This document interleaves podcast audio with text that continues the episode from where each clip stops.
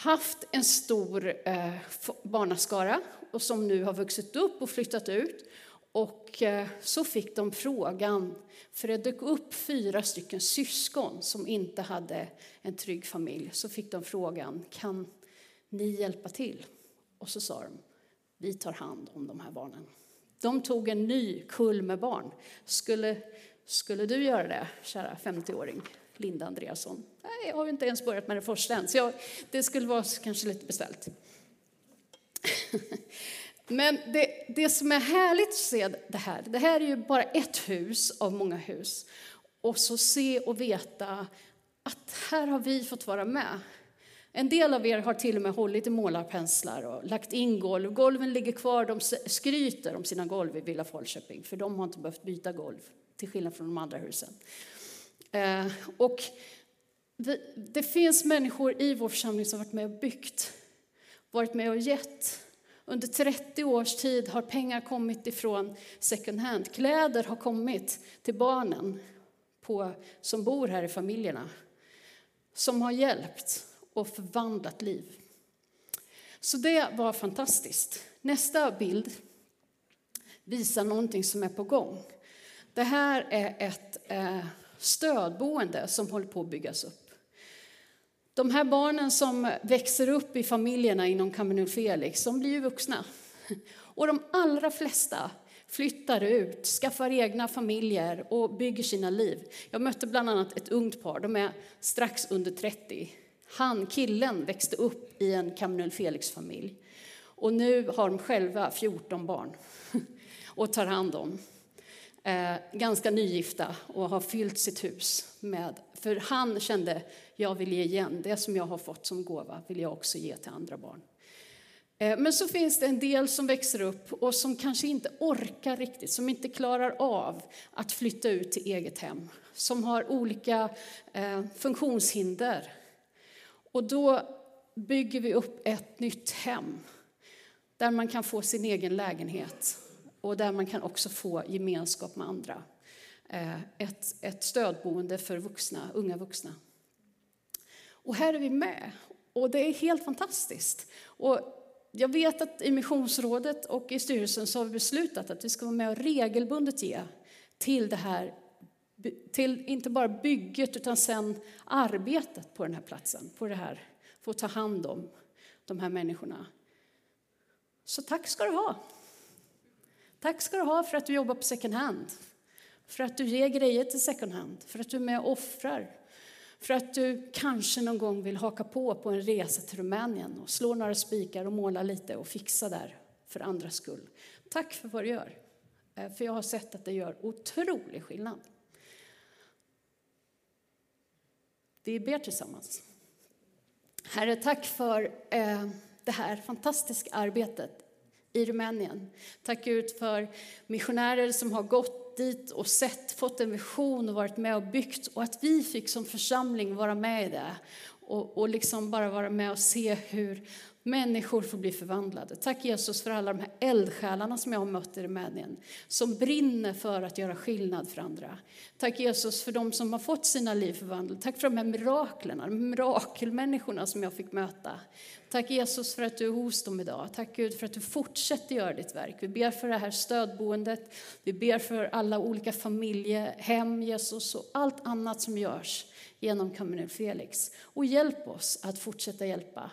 Vi ber dig Gud, i Jesu namn. Amen. Hörrni, vi är mitt inne i läsningen av Apostlagärningarna. Vi har ju satt det som liksom tema under oktober. Eh, och när man funderar då på vart är vi i läsningen nu? Då kan man bara kolla i kalendern. Och idag är det den 15 oktober och vi läser kapitel 15. Så smidigt och enkelt att komma ihåg. Eh, och det, eh, jag tänker när man läser, håller på att läsa Apostlagärningarna så är det så spännande. Det är liksom att tänka sig in i vad är det som händer i den här berättelsen. Hur reagerade människorna när de såg det här hända? Hur berördes den här människan av vad, vad han eller hon sa? Vad är det som händer i varje berättelse? Och det är så häftigt att få fantisera om det tycker jag, när jag läser, särskilt Apostlagärningarna. Och en av mina favoritberättelser har vi läst i veckan som gick. Den står i Apostlagärningarna eh, i, om Petrus och Cornelius, det är kapitel 10 tror jag, och 11, 10, ja. Och eh, där eh, Petrus, lärjungen då, som har följt Jesus i många år och sen blir lämnar Jesus jorden och Petrus tillsammans med många andra blir uppfylld av helig ande och blir den som går ut och berättar evangelium för andra. Ehm, han får vara med om en helt knasig sak. En så märklig sak. Han eh, besöker en vän som heter Simon Garvaren. Alltså han jobbade som garvare. Härligt jobb, bara gå omkring och garva. Liksom. Eh, men han jobbade som garvare och eh, Petrus hälsade på honom. Eh, och så står det att Simon gick upp på taket för att be. De har platta tak i delar av Mellanöstern. Så han gick upp där och ja, så får han se en syn. En jättemärklig syn. Ett stort lakan eller duk som kommer ner från himlen och så är det fullt med massor av djur i det här lakanet. Ehm, och så säger en röst från himlen, slakta och ät. Han var hungrig står det också, så det var liksom passande att få, få något till sig här. Men det var såna här djur som han som jude inte äter. Så han bara, nej, det där är inte rent. Och så säger rösten från himlen, vad jag har förklarat för rent ska inte du säga är orent. Och så åker den här duken upp och han bara, vad var det? Och så händer det igen. Duken kommer ner. Nej, jag kan inte äta. Vad jag har förklarat för rent ska inte du säga är orent. Och så händer det ytterligare en gång. Och precis sen, när duken har åkt upp och Petrus står där och funderar på det här. Tre gånger har han sett det här märkliga liksom, och hört rösten från himlen. Så knackar det på dörren där nere. Och så står ett romare utanför och säger, ursäkta men visst är Petrus här? Vi skulle behöva prata med honom, eller han skulle behöva följa med oss till våran, våran chef Cornelius, officeren. För han, officeren har hört från Gud att Petrus, eh, att han behöver lyssna på Petrus. Och då, då tror jag fortfarande inte Petrus fattar. Men han förstår att nu håller Gud på med någonting. Eh, I det här med att vad Gud har förklarat för rent ska inte du förklara orent. Så han följer med till, från Jaffa söderut vid Medelhavet till Caesarea. Det tar ungefär två eller tre dagar att gå dit. Så det var ju ett beslut han fick ta. Japp, jag följer med till Caesarea. Och han gick dit. Och möts då utav ett hem. Han kommer in där och möts utav ett hem med Cornelius som var liksom eh, ledaren där, officeren, men hela hans familj, hela hushållet var där och väntade och ville höra vad har Petrus att berätta. Och så inser Petrus att ja, just det, Jesus sa gå ut i hela världen.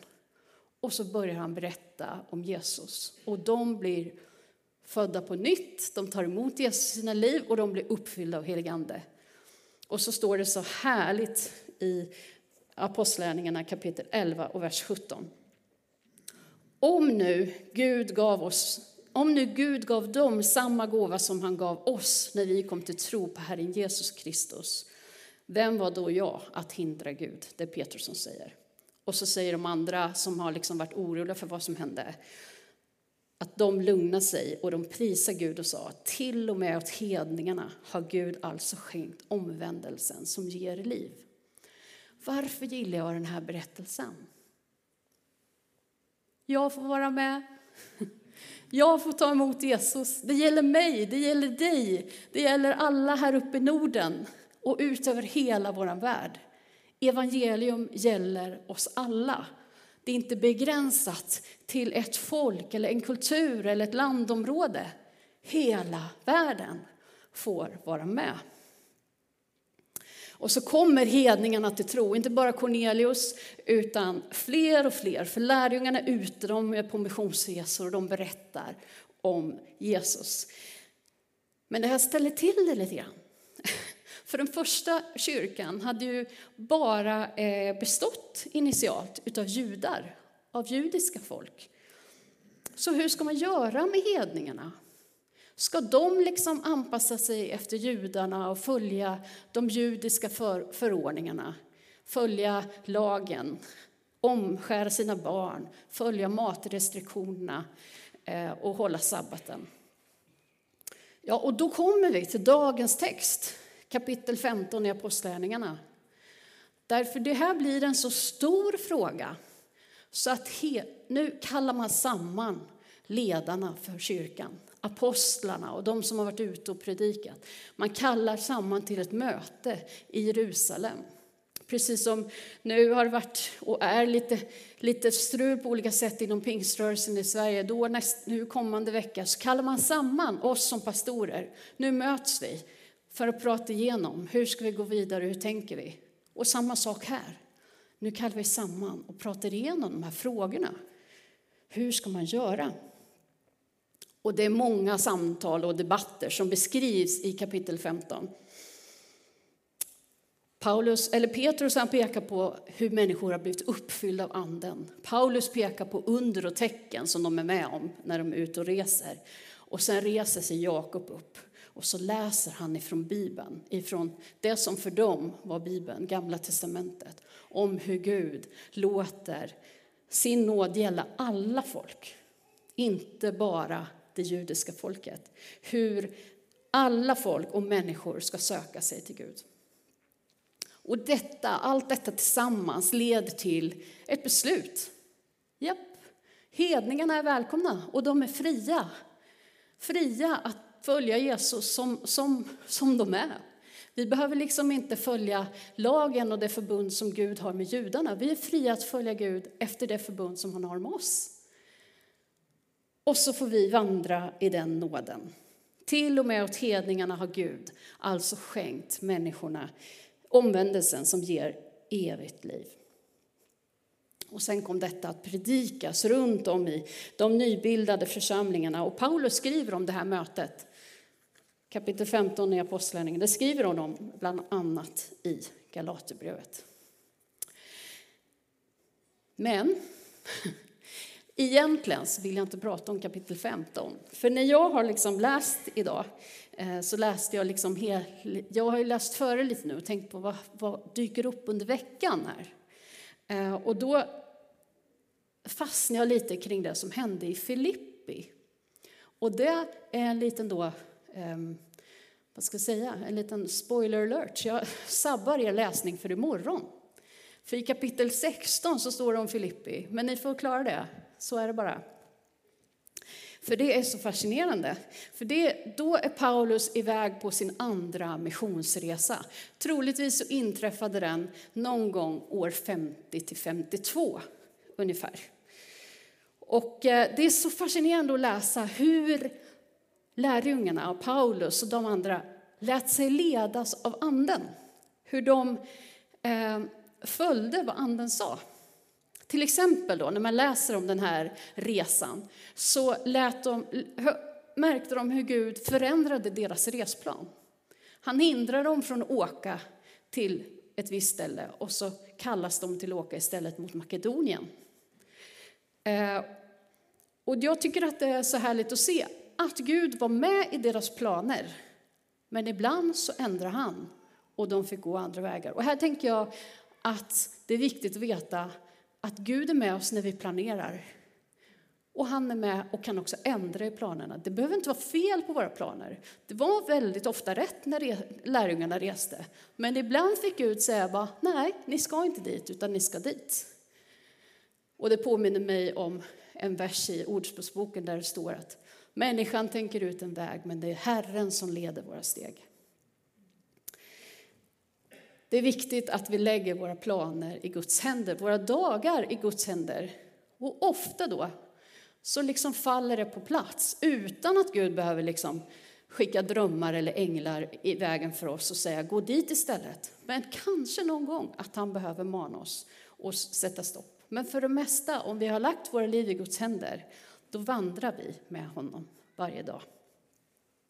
Och så kommer de till Filippi. Då. Det är Paulus och Silas som kommer dit. Och så ser vi i Apostlagärningarna att vanan är att de åker till en synagoga. De letar rätt på synagogan i stan för att be och för att läsa Guds ord och för att undervisa där. Men här, det verkar som att i Filippi fanns det ingen synagoga. Utan istället så gick de ner till floden där det fanns ett böneställe. De hörde talas om att här samlas människor och ber. Och vet du, här skickar jag in ytterligare en liten uppmuntran. Sök dig till böneställen. Sök dig till platser där människor ber. Och be tillsammans med andra. Därför att det, kan, det händer ganska mycket saker när vi ber tillsammans. Eh, det talar Bibeln om och det ser vi också här. För när de kommer ner till bönestället så visar det sig att Gud har planerat att nu ska Paulus få berätta saker för de här människorna som var samlade där. Han berättar om Jesus och Lydia, en kvinna på platsen, kommer till tro. Och man tror att hon var den första europe, europeen som kom till tro på Jesus. Och det tycker jag är spännande. Nu är vi många fler. Lydia var en. Och Lydia var ju en eh, kvinna som, ja, en företagare som jobbade med tyger, som säkert var väldigt duktig på, på att göra fint i hemmen och dekorera och fixa, eh, sy saker och, och verkligen, eh, och hade ett företag kring det. Så hon var nog rätt så förmögen. Och så står det att hon och hennes familj kom till tro och lät sig döpas. Sen fortsätter berättelsen om hur Paulus och Silas går, går i Filippi och varje dag så är det en ung flicka som följer efter dem och stör dem, eller snarare stör alla. Hon, hon ropar där hon liksom går jämte Paulus och Silas och så ropar hon, här är de här, de här hör till, eh, vad är det hon skri, ropar, jag ska gå här, står i kapitel 16. De här männen är den högste Gudens tjänare och de förkunnar för er en väg till frälsning.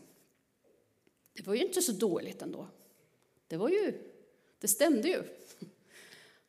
Det var ju sant det hon sa. Hon gick där och ropade och störde ordningen i staden, men pekade liksom på, på Paulus och Silas. De här följer den högste guden. Men hon var en slavflicka och hon var användes. Det här är typisk människohandel som är lika aktuellt idag. Och hon utnyttjades av slavägarna till att spå andra. Och det, för det behövde hon onda krafter. Så eh, hon var besatt av mörker. Och mörkret känner också igen Jesus och vet vem han är. Så när hon gick där och ropade störde det ju Paulus och Silas. De kanske ville ändå berätta på ett annat sätt om Jesus än en ropande eh, spådomsflicka som ropar. Så till slut så stannar Paulus upp och så säger han till henne, eller säger han till andarna i henne att lämna.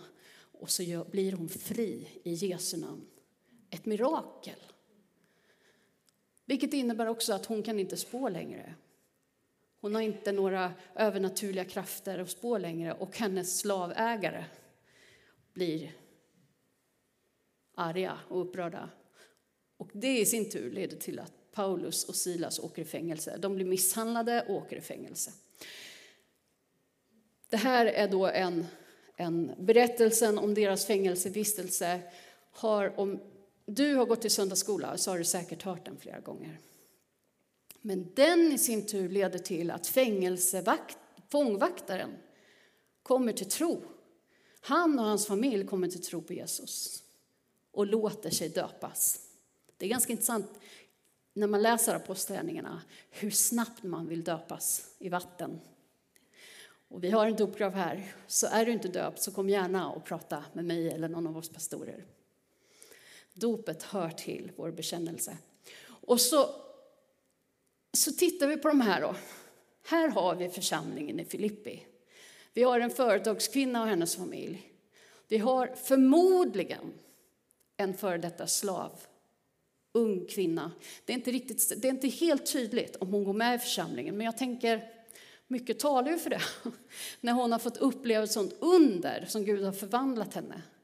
Och sen har vi en fångvaktare och hans familj. Och den här fångvaktaren, han har nog varit med om en hel del. Eh, sett mycket brutala saker och deltagit i en hel del våld och ondska. Där har du församlingen i Filippi. Så började det. Och så tänker man, vad, vad, vad blir det av det här? Vad blir det av en sån församling? Uppenbarligen så växte den församlingen. För Paulus skriver tio år senare ungefär ett brev till församlingen i Filippi. Ett brev av hopp. Det kallas för glädjens brev, Filipperbrevet. När man läser Filipperbrevet så blir man... Det, det är ett skönt brev att läsa. Det är mycket uppmuntran och mycket tro i det brevet. Vad vill han skriva till de här människorna som han mötte under den här tiden, de här korta veckorna som han var i Filippi? Vad vill han skriva till fångvaktaren, till företagaren, till slavflickan som är fri? Ja, en sak som han skriver det är att man ska vara enig. Filipp, församlingen i Filippi behövde höra, var eniga. Han säger det allra särskilt till några av ledarna. I slutet av brevet riktar han sig till två av ledarna, Evdia och Syntyke, som tydligen inte kunde hålla sams. Och så säger han, var eniga. Och det är också i ett av de kändare texterna i Filipperbrevet. Så säger han, var så till sinne som Kristus Jesus var. Och så talas det om att han, att Jesus inte var tänkte på andra. Det står i Filipperbrevet 2 och vers 1, eller vers 2. Gör min glädje fullkomlig genom att ha samma sinnelag och samma kärlek och genom att vara ett i själ och sinne. Precis som Jesus Kristus. Var eniga. Och här är en uppmaning till dig och mig då. Håll sams. Låt oss vara eniga. Därför groll och osämja skadar. Det skadar din egen och min egen hälsa och mitt eget välmående. Men det skadar också hela gemenskapen. Vi alla mår dåligt när några inte håller sams. Så rådet från församlingen i Filippi är att Räck ut en hand. Försonas. Kanske att personen inte vill försonas med dig, men då har du gjort din del. I Filippi uppmanas också att församlingen, den här spretiga, spännande församlingen, så talar Paulus till dem att vara generösa. Jag ska läsa i Filipperbrevet kapitel 4. Och så står det från vers 10. Det har glatt mig mycket i Herren att ni till slut har låtit er omtanke om mig blomma upp. Visst tänkte ni redan förut på mig, men då hade ni inte något tillfälle att visa det. Jag säger inte att jag har saknat något, för jag har lärt mig att vara nöjd med det jag har. Det är ett starkt statement. Kan du säga det? Jag har lärt mig att vara nöjd med det jag har. I den här tiden tror jag att det här är någonting vi behöver jobba på. I den här tiden när det bullrar ut budskap om att du behöver den här grejen. Du behöver åka dit. Du behöver uppleva det här. Du måste förändra din eh, kropp eller ditt beteende, eller för då kommer du få det så mycket bättre. Jag har lärt mig att vara nöjd med det jag har. Tänk om vi kan hamna där som Paulus var. Så säger han, jag kan leva enkelt och jag kan leva i överflöd. Med allt och med alla förhållanden är jag förtrogen. Jag kan vara mätt och jag kan vara hungrig, leva i överflöd och lida brist. Allt förmår jag i honom som ger mig kraft. Men ni gjorde väl som hjälpte mig i mitt svåra läge. Ni Filipper vet också hur det var under evangeliets första tid när jag lämnat Makedonien. Ni var den enda församling som satte sig i förbindelse med mig så att räkenskap kunde föras över givet och mottaget. Det här är precis det vi läser om i kapitel 16 upp i Apostlagärningarna. Hur, hur när Paulus lämnar och fortsätter resa, då är det en församling. Och vad var det för en församling? Det var en företagare, en slavflicka och en fångvaktare som beslutar sig för att vi ska backa upp det här. Vi ska vara utgivande. Vi ska leva i missionstänk. Vi ska bygga Guds rike, inte bara här, utan vidare. Vilket fantastiskt tänk! Och när jag har besökt Rumänien och när vi firar 30 år second hand-jubileum och när jag har mött missionärer från den här församlingen, då känner jag ett sånt tänk har funnits här. Att vara med och bygga vidare på andra platser. Men okej, okay, vi har varit med. Nu kan jag sätta mig här. För vi har ju verkligen byggt Guds rike i Rumänien. Vad bra det har varit. Och alla de här sakerna vi har gjort i Sri Lanka. Oj, oj, oj.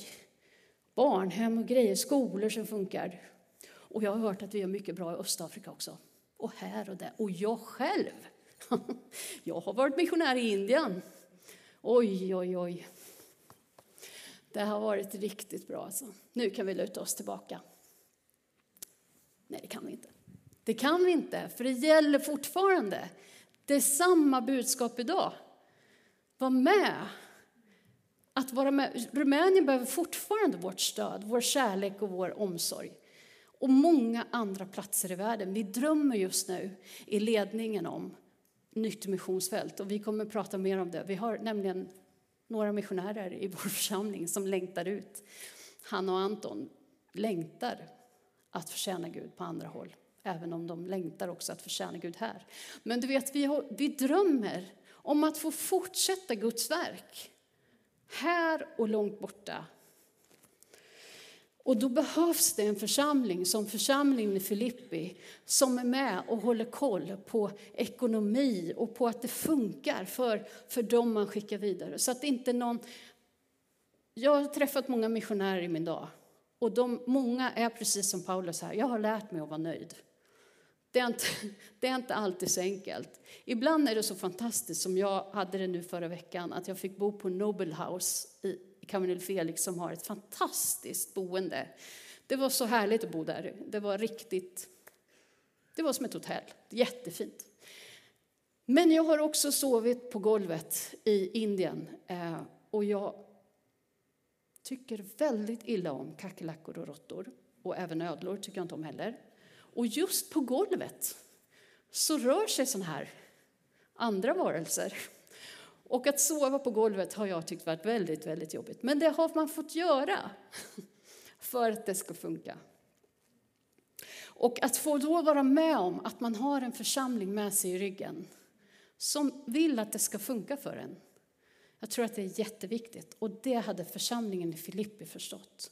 Så min uppmaning, Filippernas uppmaning, var med och ge, var, var generös.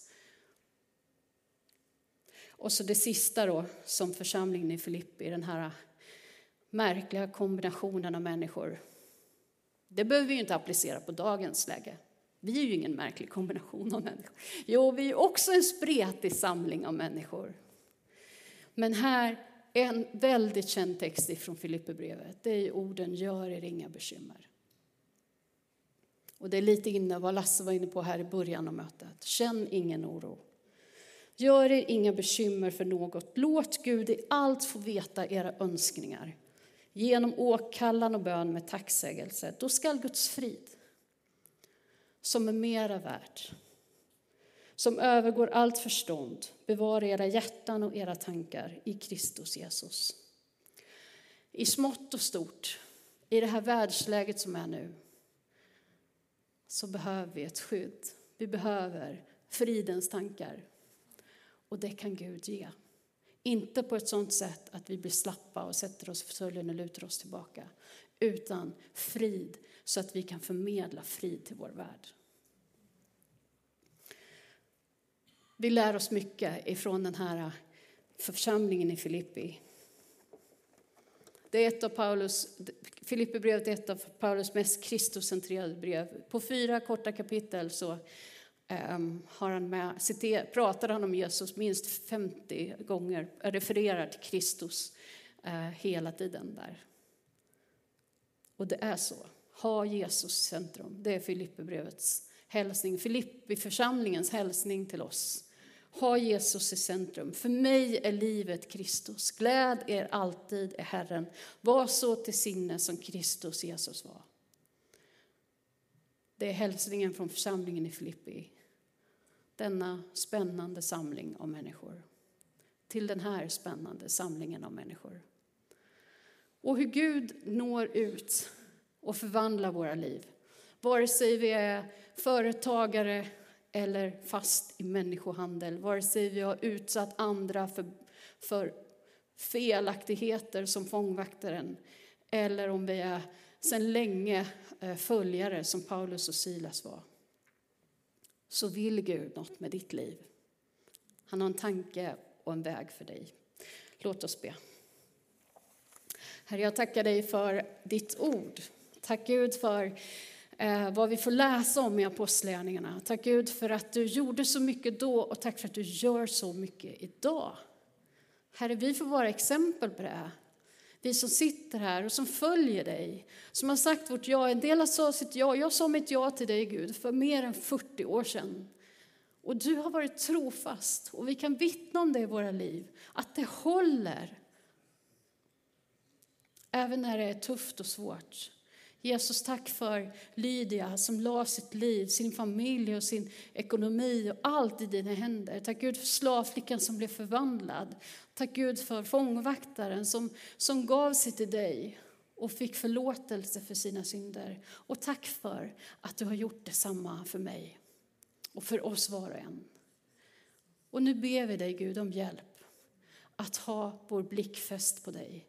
I den här skakiga tiden, i den här tiden av mycket oro, men också i den här tiden fylld av, av frestelser kring ja, men, ha-begär och saker som lockar oss bort ifrån dig.